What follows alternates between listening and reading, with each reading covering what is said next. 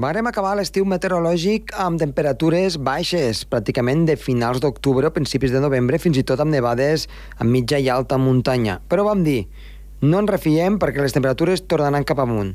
I és que, de fet, aquests dies han tornat a pujar i força, i més amb l'estiu que no pas un mes d'octubre. Comença el torn.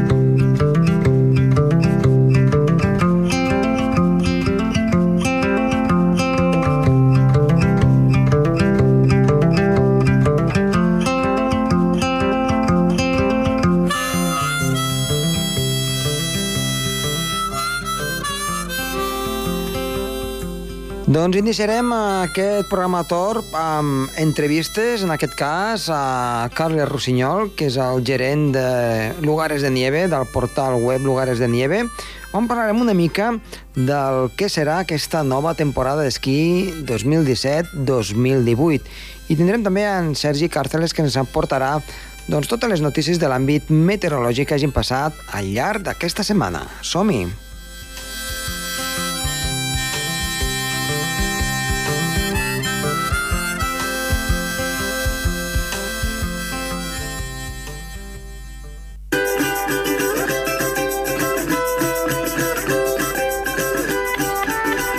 Iniciem el programa amb Sergi Càrteles. Eh, Sergi, molt bona tarda. Hola, molt bona tarda. Què ens portes aquesta setmana? Doncs mira, parlarem una mica de tots els desastres naturals que hi han hagut aquest mes de setembre i sobretot parlarem del fenomen més famós no? que hi ha hagut, que han estat aquests huracans que han anat doncs, golpejant a Estats Units. Mm -hmm, doncs uh, anem, anem a posar fil a l'agulla amb aquests huracans doncs, que veritablement han, han fet mm, uns desastres impressionants, no? S'han vist illes del Carib que pràcticament han desaparegut del mapa, per dir-ho d'alguna manera, no? Sí, sí. Doncs mira, eh, principalment podem dir que ara la cosa sembla que s'estigui tranquil·litzant ja. Eh, tots els huracans que hi havia de moment ja han desaparegut, ja han fet totes les destrosses que volien fer. L'últim d'ells ha estat l'huracà Maria, que no ha tingut tanta repercussió com l'huracà Irma, però que realment ha fet, ha fet bastant de mal. I és que una de les notícies, sobretot d'avui, és que a Puerto Rico, després de 11 dies de que hagi passat l'huracà Maria per sobre, segueixen sense aliments, segueixen sense llum, sense aigua. La veritat és que el, aquell país ara mateix està molt malament perquè no només van tenir la mala sort de que l'huracà Maria els afectés, sinó que també els hi, fa, els hi va afectar l'huracà Irma. O sigui, van entrar en un, van sortir, van sortir ja molt malament i a sobre els hi va caure un altre sobre. Van tenir realment molta mala sort. Però és això, ara ja tots aquests huracans ja s'han anat i ara doncs, esperem que mica en mica doncs, es vagin mm, recomponent no? tots, eh, tots aquests països. De moment podem dir de que mm, no només hi ha hagut huracans aquest mes de setembre, i és que els terratrèmols també han sigut bastant protagonistes, però no han afectat a les illes del Carib, sinó que han afectat sobretot a Mèxic. Mèxic també ha estat un d'aquests grans afectats d'aquest mes de setembre, i és que, bé, els hi van afectar dos terratrèmols, el primer d'ells va ser molt fort, de 8, una escala de 8,2, molt intens, que va deixar un balanç de 100 morts, i res, uns dies després, seguidament, van, ter van tenir un altre, un altre terratrèmol, van tenir una còpia, aquest cop de 7,1 de magnitud, que també és molt fort, en aquest, cas, en aquest cas van deixar 273 morts. Si ens preguntem com és que el de 8,1 va deixar molts menys morts que l'altre, la resposta és que, clar, eh, després d'un terratrèmol d'aquelles magnituds, molts edificis van quedar tocats. I si després et dona altre terratrèmol també molt gran, doncs ja tots aquests edificis al final acaben caient i bé, acaben caient a sobre de, de la pobra gent, no? Sí, a, a, a part... Digues. Dic, a, a part eh, també, um, com tu bé deies, no? depèn una mica la zona on es produeixi, si està Clar. més habitada, menys habitada, i, sí. i si està a més o menys eh, profunditat, no? I, clar, i aquest de districte part... federal va, clar, va, va afectar doncs, a, a, a centre ciutat, per dir-ho d'alguna manera, no? pràcticament. Sí, a part, eh, hem de tenir un clar exemple. Terratrèmols així o semblants, a Japó hi ha molts. Uh -huh. El que passa és que, clar, és un país molt desenvolupat, estan acostumadíssims als terratrèmols i a l'hora de fer un edifici ja tenen clar les condicions que tenen i els preparen tots ja per als terratrèmols. I és més, aquesta gent, els terratrèmols els viuen d'una manera doncs, molt normal. Sí que és veritat que potser els objectes que hi ha dins de la casa doncs, poden caure, però ells estan molt tranquils perquè saben com actuar i els edificis estan preparats per aquests, per aquests terratrèmols. Mm, tot i així, eh, fixa't tu, a, a, a, ara fa uns anys, no?, el, el terratrèmol que va haver i que va afectar doncs, la central nuclear amb el posterior tsunami, eh, tot i que estiguin acostumats, sempre, sempre a la natura ens dona un, un cop d'efecte que no ens, no ens l'esperem, no? O sigui que per molta precaució que hi hagi sempre eh, ens podem trobar amb, amb, amb, algun, amb algun efecte inesperat, no? com, com va succeir en aquest cas a Japó. Sí, a part, bé, va ser la mala sort no, que va afectar una central nuclear, no va afectar només a una població, sinó que quasi, quasi va afectar a, a mig planeta, perquè, clar, tota la radiació que es pot escapar d'aquestes fugues doncs, poden ser un perill tant per la natura com per l'ésser humà, com tota la vegetació i, i tota la fauna. Mira, són, a vegades són casos doncs, que ens fan veure que realment no som invencibles i que sempre som molt vulnerables a, a, al final el que vulgui la, la natura, no? Que mm -hmm. Per això estem vivint a, aquí. I va, va, va succeir una cosa, que és, és una anècdota, que uh, just, mm. just a Mèxic, el dia que va succeir, feia no sé quants anys que hi havia hagut un altre terratrèmol, i estaven fent simulacres doncs, uh, per, per diguem-ne, recordar aquell moment. I, i vet aquí mm. que els va succeir el mateix dia.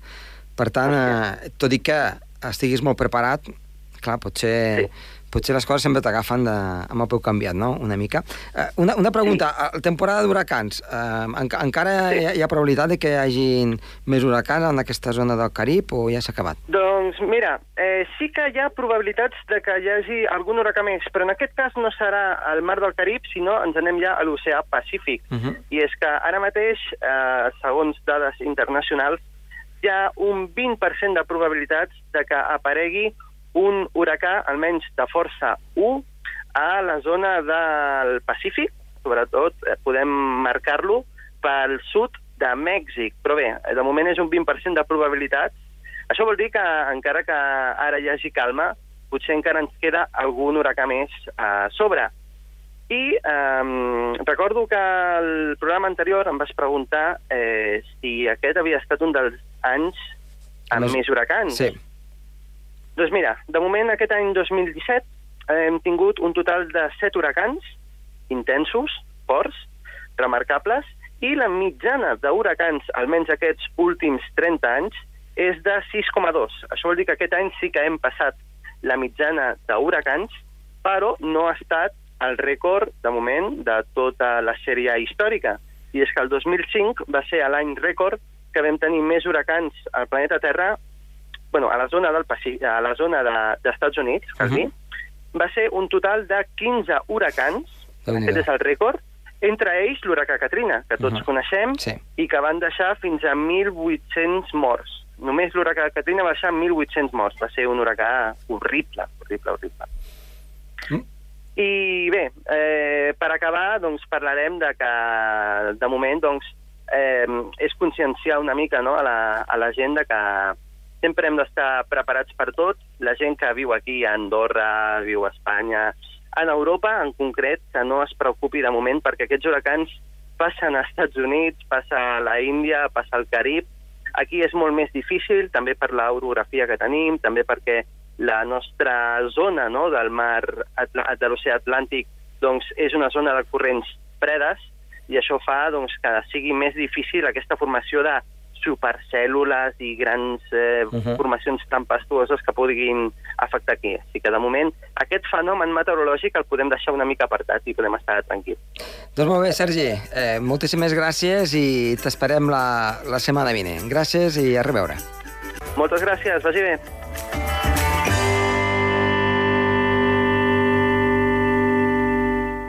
El Torb, amb Josep Tomàs.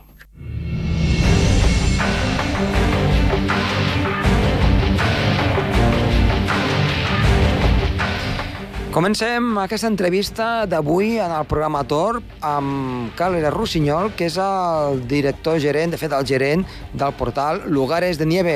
Carles, molt bona tarda. Doncs molt bona tarda a tots.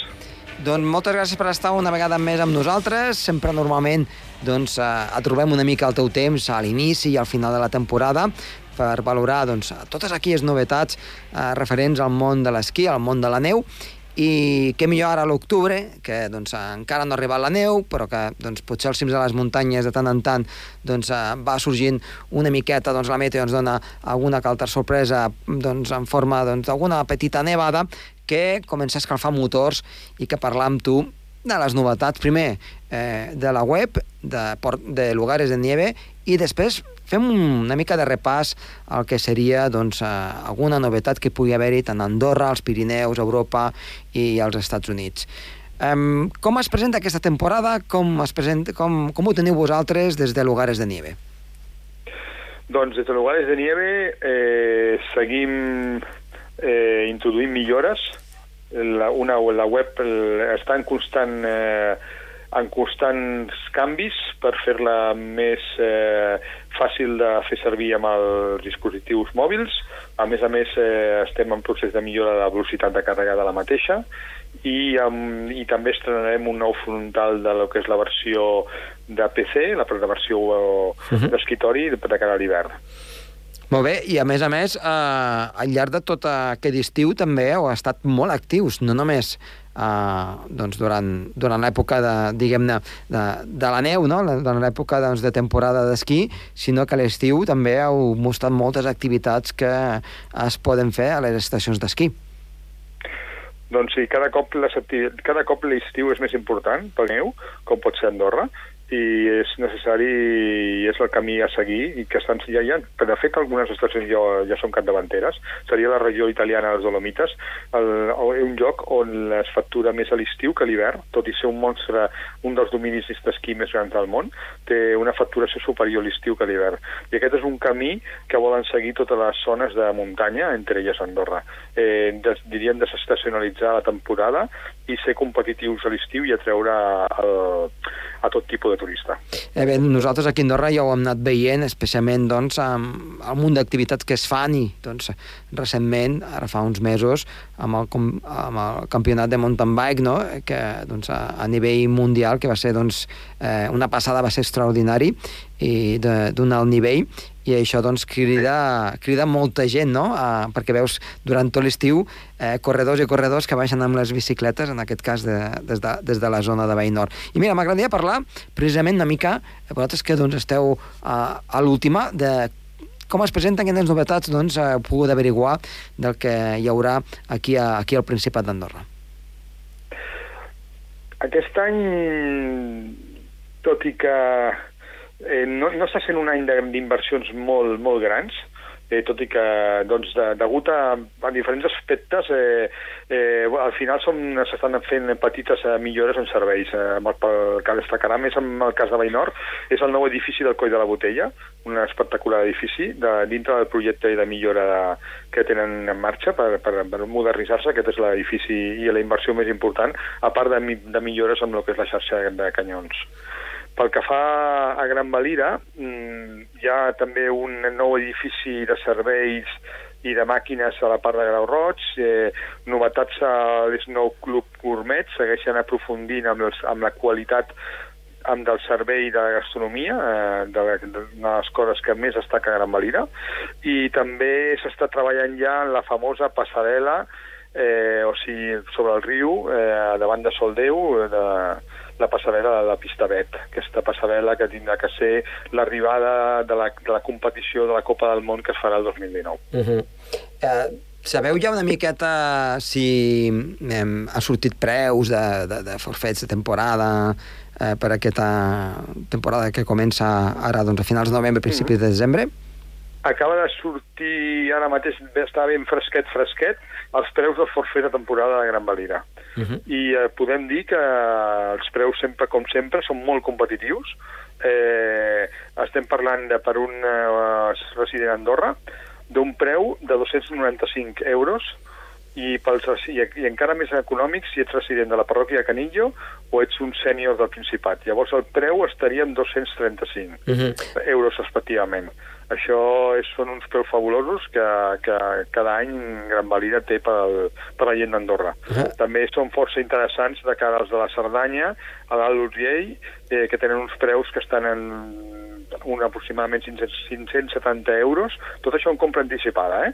I, i llavors tenen uns descomptes per, per fidelitat i també com a, com a compradors eh, que siguin dintre d'alguns col·lectius en, en concrets, i també per famílies i tot, totes aquestes coses que es porten avui en dia. No hi ha un sol forfait, sinó n'hi ha molts. Uh -huh. I això també es podrà trobar, es pot trobar a l'illa Carlemany, sí? ja, està, ja estarà a la venda el forfait, i també a la Fira d'Andorra. Ah, va, la Fira d'Andorra la Vella sí. a finals d'octubre. Sí. Um, per tant, uh, la cosa ja està en marxa, eh? Um, la cosa està en marxa. Uh, fora ja del que és el, el país, uh, al Pirineu en general mm, tenim alguna novetat, aquella gent doncs, que també li agrada provar altres llocs i doncs diu, mira, escolta, anem cap a França, anem cap a la zona doncs, d'Osca o, de, o de Catalunya, um, hi ha moltes novetats, Mm, no masses. Eh, totes elles fan petits retocs que al final sumen molts diners. Compra, molta compra de màquina de trepitjar neu nova, eh, algunes millores amb, amb inhibició. Masella segueix augmentant la seva superfície innivada, la Molina també augmenta la seva superfície innivada i Baqueira inverteix bastants diners en un nou restaurant i un edifici de serveis i millores en innovació. Estem parlant d'uns 9 milions d'euros. De cara ja a l'any següent temporada sí que és cert que Baqueira té un projecte d'ampliació important cap a la Peulla, que és una, mirar més cap a la zona del Pallars sigui, Baqueira segueix la seva, la seva línia de millora. I la, ja et dic, les, les inversions eh, molt fortes no hi són, però sempre eh, s'estan fent retocs a pistes, dissenys i millores amb edificis i, i modernització i revisió d'alguns dels remuntadors. Mm -hmm. Les estacions franceses també tenen alguna, algun canvi important eh, pel que fa al Pirineu? Doncs eh, petits canvis eh, sí que hi han previst una, un pla d'inversió per part d'AX d'Acle Terma, o sigui, el que és AX 3 Domens, que té previst eh, fer una, cometre una inversió important amb remuntadors i, i augmentar el seu domini esquiable i mirar cap al sud. O sigui, el nou AX eh, a canvi de, de política i de partir de, de ben aviat intentarà esgarrapar esquiadors d'Espanya, de, d'Espanya, Catalunya i de tota la d'on pugui. Fins ara sempre havia mirat cap a Toulouse i serà un nou i dur competidor. Uh -huh. Com a part negativa i, i més trista tenim que l'estació eh, de Puigbalador és molt probablement no obrirà aquest hivern. Tanca definitivament, doncs, no? Bé, no, tan, no tanca definitivament, però és, tanmateix és cert que acumula un deute no molt gran, però també estem parlant d'una estació petita, un deute que no arriba als 300.000 euros, però, però les mesures eh, econòmiques que té en marxa el govern francès l'obliguen a tancar. La gestió municipal, el suportar la, les pèrdues que s'acumulen a poc a poc, però cada any a l'estació, no, el govern no li deixa suportar més a, a lo que és la comuna de Puigbalador, i llavors ells a corre cuita, tot i que han anunciat que no obriran, està, i s'ha creat una plataforma que es diu Col·lectiu de Sabagarde de Pulvalador per intentar reunir els diners per, per aconseguir obrir aquest hivern. O sigui, hi ha una petita escletxa tot i que el més probable és que no obri. Uh -huh. I mhm. seria seguir els camí, el camí de, de Puigmal, que va ser la que va tancar fa uns anys, tot i que eh, a Puigmal la deuta era astronòmica. Uh mhm. -huh. I aquí és un deute que fàcilment algú podrà aixugar. A veure, a veure si és veritat i, i, si és veritat. i, i poden sortir endavant. I pel que fa a Espanya, també hi ha alguna novetat o a les estacions doncs, de, del sud eh, tenen, tenen alguna cosa a dir en aquest eh, proper hivern? A estacions del sud, eh, Sierra Nevada continua la seva línia de, de millora en tema de, de, de fabricació de neu artificial i, i el, traçats de pista nous i poca cosa més. Eh? O sigui, inversions que pugen diners però que no estem parlant de uh -huh. destacables remuntadors. D'acord. Uh, si mirem una mica a Europa, ens anem cap a la zona dels Alps o alguna zona propera, així sí. doncs també que puguem trobar alguna infraestructura nova o alguna novetat important? A diferència de les nostres contrades, als Alps sembla que l'aixeta dels diners s'ha obert i sí. és que no es pot parar, eh? I està, està plovent diners per tot arreu. Llavors eh, s'està invertint com els millors temps. Eh, hi ha moltes eh, inversions, quasi qualsevol estació té inversions de remuntadors eh, nous o de canvi de remuntador per un de més modern i més, eh, més ecològic i nous dominis i més, més quilòmetres de pistes, però destacarem dues coses. Una seria a Iskel, que és l'estació competidora de Sant Anton dintre la regió de, de lo que és el Tirol austríac, uh -huh. que es gasta la friolera de 17 milions d'euros. per eh, continuar a seguir l'estela del que és Sant Anton Lec amb un nou eh, important remuntador, eh? Una, un, un cadira i un, i un telecabina nou. Per l'altra banda, eh, l'altre que hem escollit com a, com a mostra de, de, del flux inversor que ara mateix don, dona volta als Alps és la Val Gardena, la famosa Val Gardena, que forma part del domini esquiable de més gran, que és el Dolomite Superesquí, a Itàlia. Eh, inverteix eh, 11 milions d'euros amb un nou telecabina. Telecabina que substitueix a un, tele, un telecadira vell i que, té, i que el que destaca en tots aquests nous eh, aparells és el seu disseny, en aquest cas és de pininfarina, i tot harmonitzat i amb un luxe asiàtic dintre del que són les cabines de 10 places. Molt bé, no? Però, eh, escolta, doncs uh, cal tenir-ho en compte. Això ja per començar aquest hivern. No, és una inversió, sí, però... aquest hivern. Però aquest que, hivern. Per tant, ja la cosa ja està feta, eh, diguem-ne. Ja, o, o pràcticament, pràcticament acabada. Ja, ja, ja tenen feina perquè no els hi arribin les nevades i no els hi deixin acabar. Eh, escolta, ja per acabar, ens anem cap als Estats Units. Eh, Sí. Suposo que aquí també deu haver moviment. A més, ja ha nevat, cap al Colorado. A les Sí, als Estats. Units ja ha nevat. A Cooper Mountain, a Colorado, hi han caigut pràcticament 60 centímetres, tu. O sigui, una, una nevada eh, espectacular, eh, amb un aspecte hivernal, tot, tot Colorado ha caigut molta neu. I, i aquesta gent sembla que volen continuar el camí de la te- la temporada anterior que va ser considerada la millor de la història. Uh -huh. Llavors, eh, aquí, a part de les inversions, aquests no paren, a Amèrica els diners no és un problema, a part jo destacaria dues coses. Una, eh, la lluita que hi ha amb, dels grups empresarials que controlen les estacions, en aquest cas el, el dominador es, es diu Vail Resorts, que és una, un grup empresarial que té estacions a, a Utah, Califòrnia, a Michigan, Minnesota, a Colorado, a Colúmbia Britànica i també també té Austràlia i acords amb França, Ital eh, Itàlia, Suïssa i Àustria. I ofereix un forfait a temporada que és el més potent del món. Per uns 800 i pico dòlars estem parlant d'esquiar a 3.000 quilòmetres de pistes. Això, eh, l'únic que li està fent ombra allà als Estats Units és la companyia que forma part d'Aspen, que intenta competir comprant altres estacions i formant un grup per, per ser la competència d'aquest grup que es diu Bay Resorts. I bueno, això seria, és molt interessant perquè hi ha un molt de moviment al negoci de compra i venda d'estacions. Mm -hmm. Per tant, que és, al final quedarien com a dos grans eh, Sí. eh, grups, diguem, no? Dos grans grups, al final sí. Pràcticament. Doncs, eh, Carles, eh, moltíssimes gràcies per estar una vegada més aquí amb nosaltres al, al programa Tor i t'esperem sí. Al llarg de la temporada des de Lugares de Nieve que ho anirem seguint eh, totes les novetats, ara ja quan comenci a nevar per estar preparats amb, amb totes les novetats que, que sempre expliqueu i quan vulguis doncs, aquí és casa teva ja ho saps doncs, per, per tornar a parlar de totes aquestes novetats i de com va doncs, a, aquest hivern 2017-2018. Moltíssimes gràcies.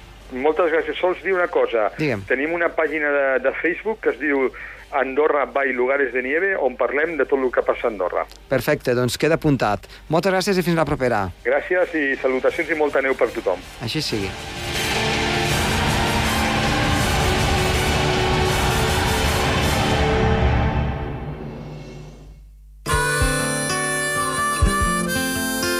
El Torb, amb Josep Tomàs.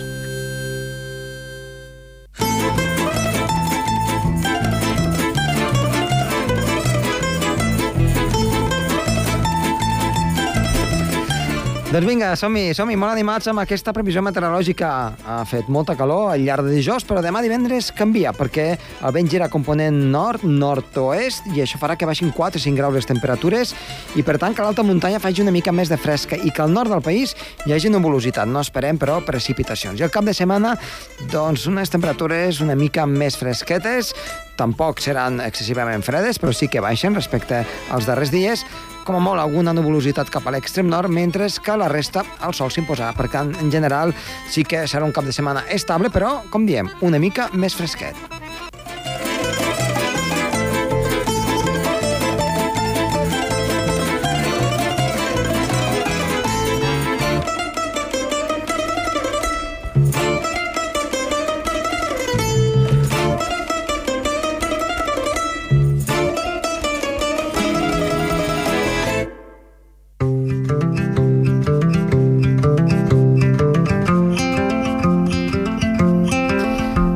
Marxem ja, esperem que els hagi agradat el programa. Tornarem dijous que ve. Està de les vides som tots nosaltres, Toni Escur, i que els ha parlat amb molt de gust, Josep Tomàs. Adéu-siau.